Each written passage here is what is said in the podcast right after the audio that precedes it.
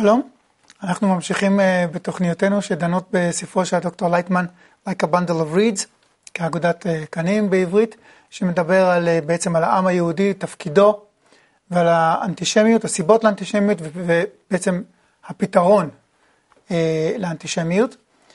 אנחנו בשבוע שעבר התחלנו לגעת בעצם בעניין של שורש האנטישמיות, וסיימנו בנקודה שהשאירה אותי עם שאלה גדולה. Mm-hmm.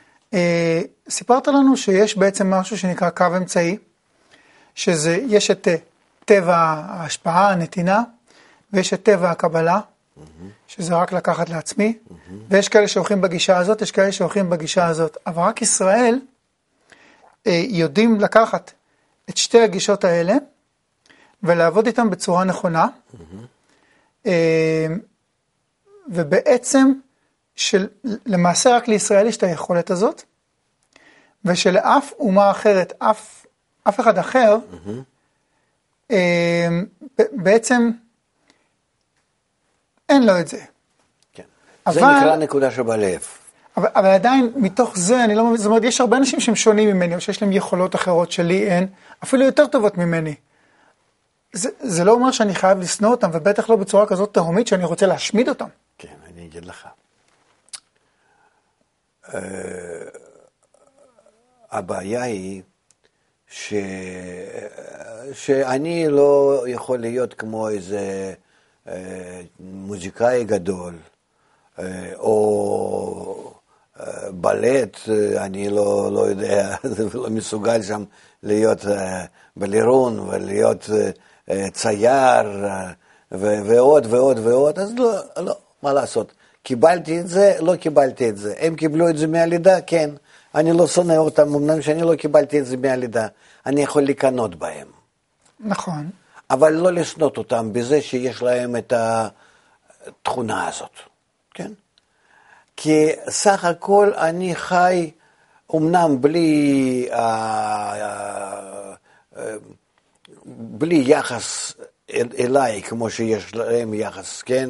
יש איזה מין שם שקיבל פרס נובל מישהו, או מישהו הצליח בתחרות אולימפית, או מישהו שם, אה, אפילו שהרוויח מיליארד דולר במשהו. כן, ולי אין לא את הכסף, לא את הכבוד, לא את הפרסום, אבל אני עדיין לא שונא אותם עד כדי כך.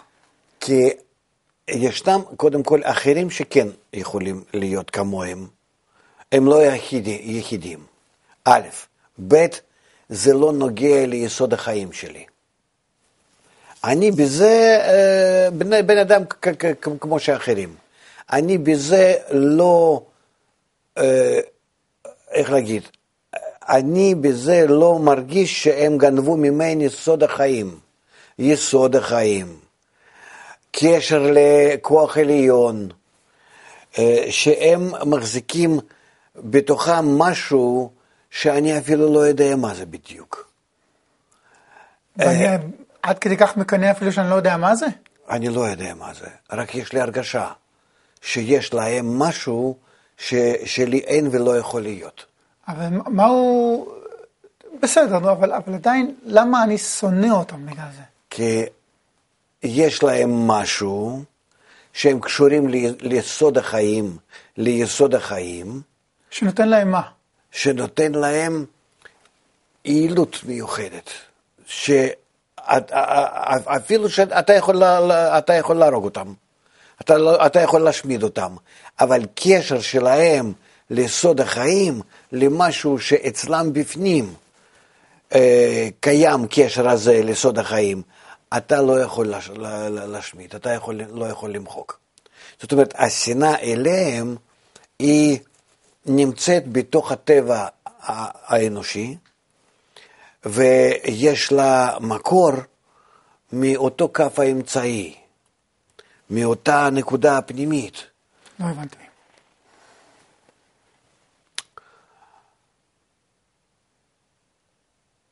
ישנם אנשים בעולם שלנו שהם התגלו מזמן הבבל. שהם ירגישו שהם כן רוצים ללכת בשיטת אברהם. באהבה ביניהם, כדי לגלות מהות החיים. כי בבל היא לא סתם בבל, אלה אותם האנשים שהיו, שהיו חיים באותה תקופה. הם אמרו, אנחנו בונים מגדל עד השמיים. אנחנו צריכים להשיג את האלוקות. אנחנו צריכים להשיג את הסוד החיים. יש לנו הכל בעולם הזה. אוכל, כן, לחם, מים, הכל יש לנו.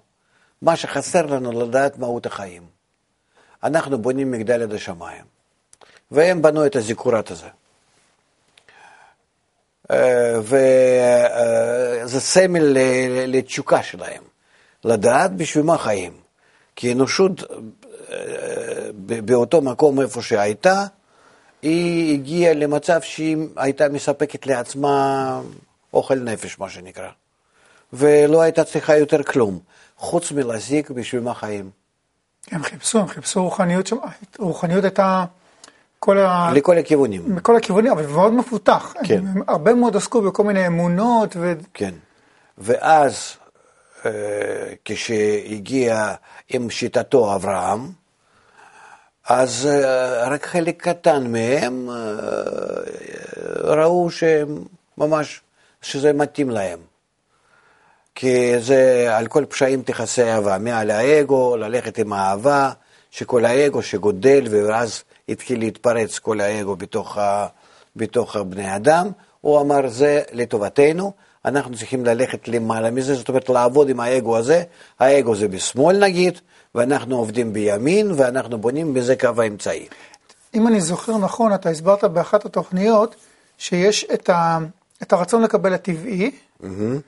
ושיש מעליו את, ה, את האגו, שאם לא נוצר האגו אז אין בעצם גילוי בורא, כן. ואז כשאתה משתמש בשיטה הזאת כדי בעצם, למרות האגו ו- וכגודל האגו, אם אתה מצליח לעבוד כמו קודם, במצב הזה של, ה- של האיזון mm-hmm. או של, ה- של האהבה, אז במידה הזאת אתה מגלה את הכוח האחד הזה, נכון? כן.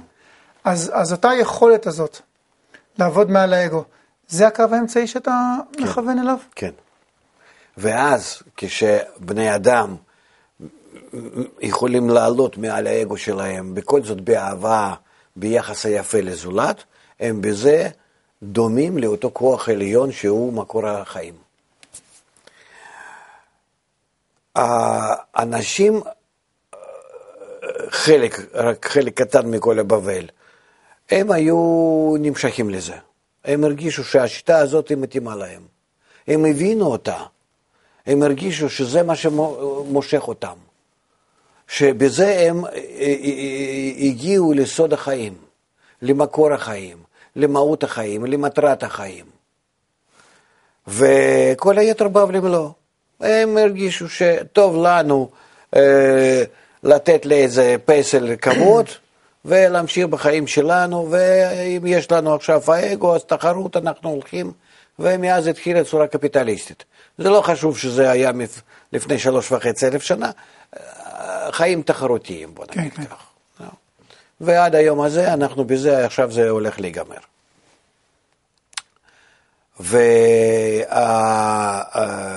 ואברהם, שקירב לעצמו אלו אנשים שרצו לכסות תמיד את האגו הגודל עם אהבה, עם יחס היפה הנכון, כולנו כאחד, כולנו מחוברים, כולנו כמשפחה אחת וכן הלאה, בחברה הדדית, דווקא בחיבור.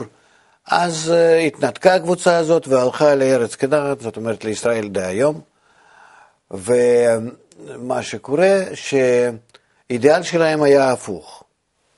ולכן אה, במשך השנים אנחנו רואים שהקבוצה הזאת לא הייתה יכולה להתחבר עם, עם, עם, עם, עם אנושות בשום מקום.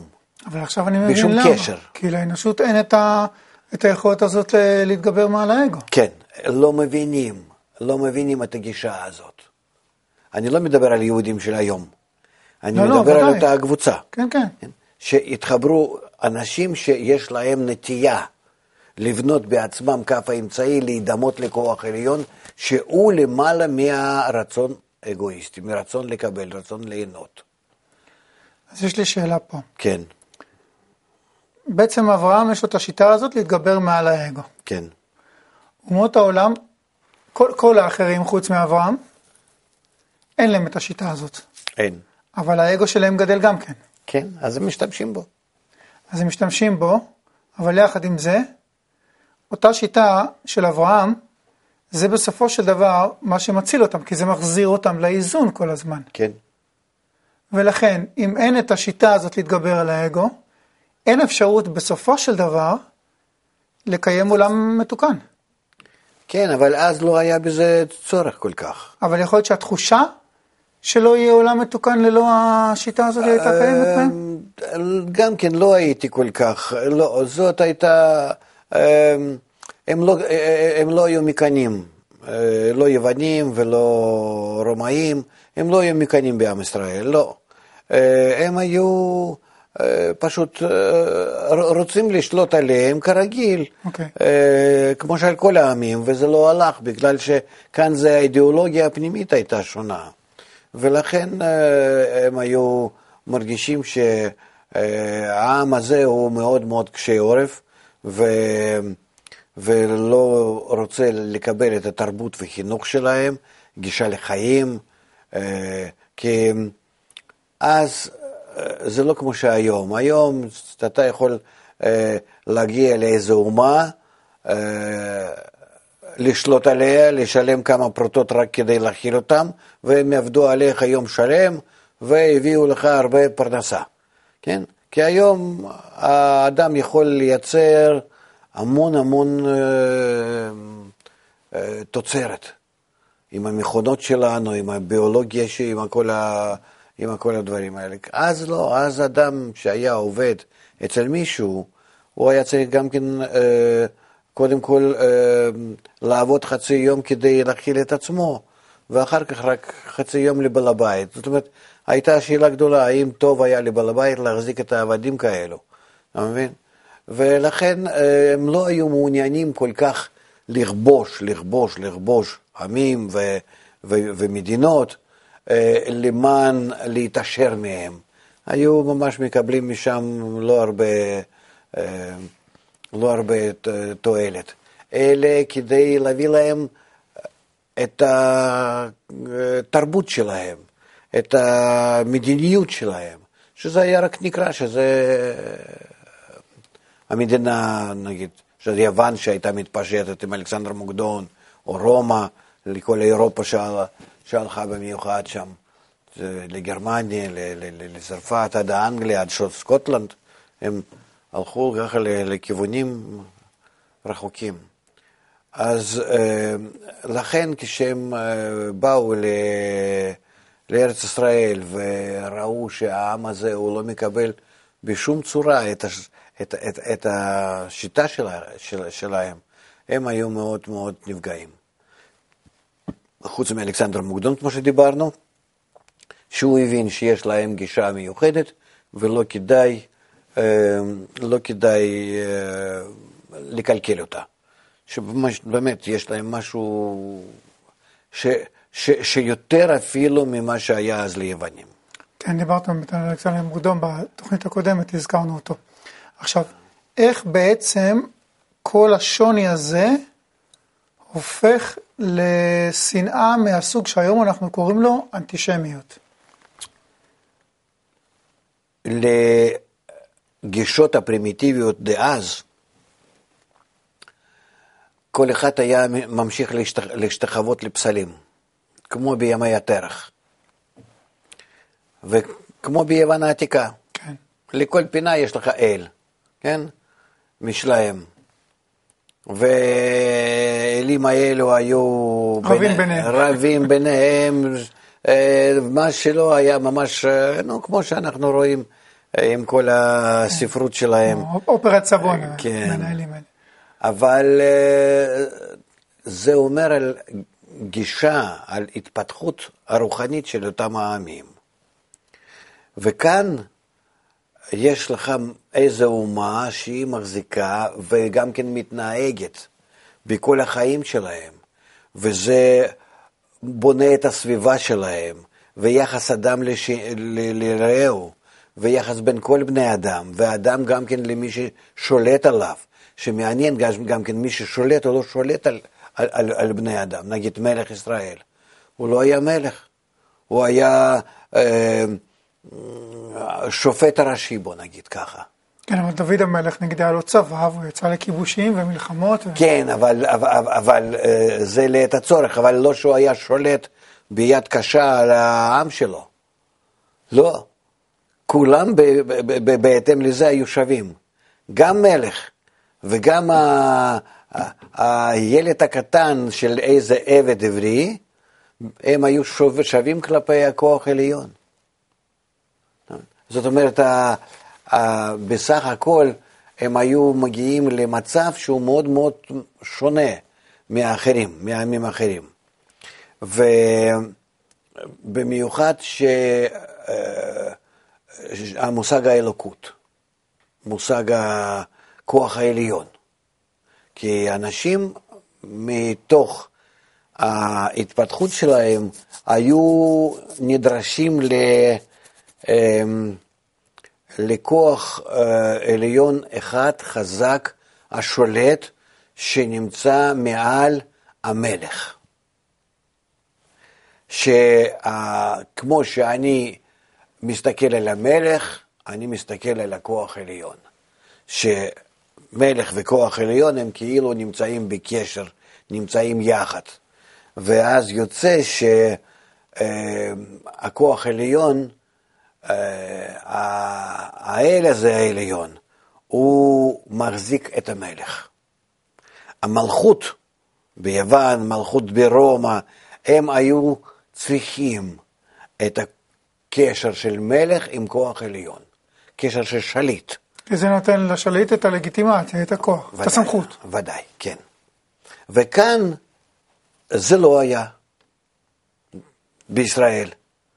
המלך כלפי הכוח העליון הוא אותו, ממש נמצא באותו רמה, באותה רמה, באותו מדרגה, באותה יחס, באותו יחס, כמו שאדם הרגיל. אין ביניהם שום, אה, עדיף, אה, בוא נגיד, עדיפות. אחד כלפי השני. כולם שווים.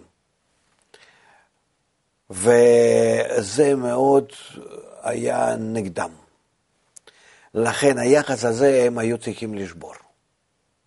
זאת אומרת, זה שיש כוח אחד, זה היה מושך, כי זה מצביע על מלך אחד. אבל זה שאין לכוח אחד הזה עם המלך שום קשר, שזה נותן כל הגושפנקה למלכות.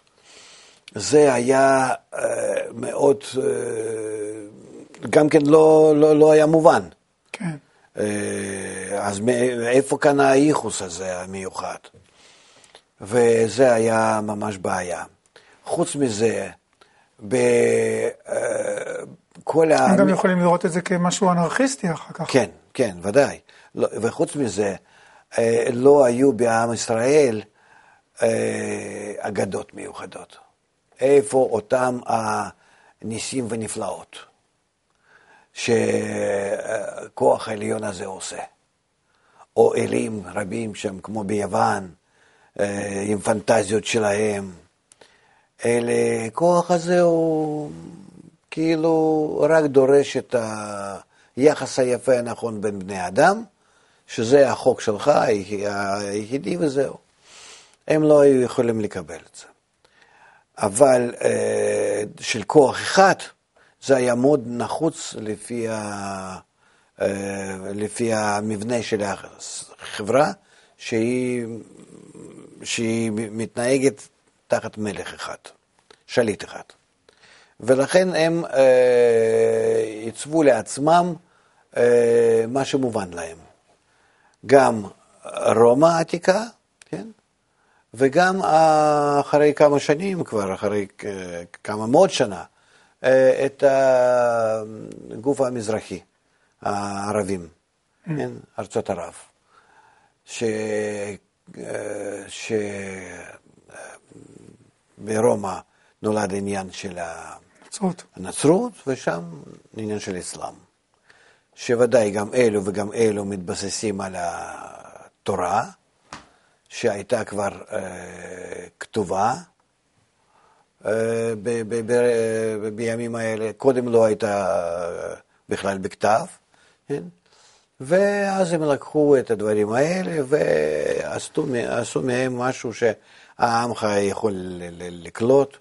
גם כן אה, העיקר שהם לא רצו בהתחלה להתרחק כל כך ממה שהיה לעם ישראל, אבל לא הייתה להם ברירה. כי נגיד כל מיני הציורים, מה שיש בנוצרות. כן. זה מתוך זה שכולם היו אה, אלפביתים שלא ידעו קרום וכתוב. כן, אז הם חיפשו להפיץ את זה. כן, אז כדי להפיץ את זה הם היו חייבים להפיץ את זה דרך הציורים. כן. וסימנים בציור. תמונה שווה אלף מילים, אנחנו יודעים. כן. וכך כך, כך זה היה ברומא. אבל באסלאם זה היה אחרת. כי קודם כל זה היה אחרי 600-700 שנה, אה, אחרי זה מצד אחד, ומצד שני אה, הם, הם כבר היו אה, יותר, הם היו יותר קרובים לשיטת ישראל, כי זה מצ... מכף ימין, מכף השפעה, ולכן הם לא הלכו לפי הציורים, כן? אלה, וגם כן השיטה שלהם היא, יחד עם זה, היא די קרובה ל, לשיטת ישראל.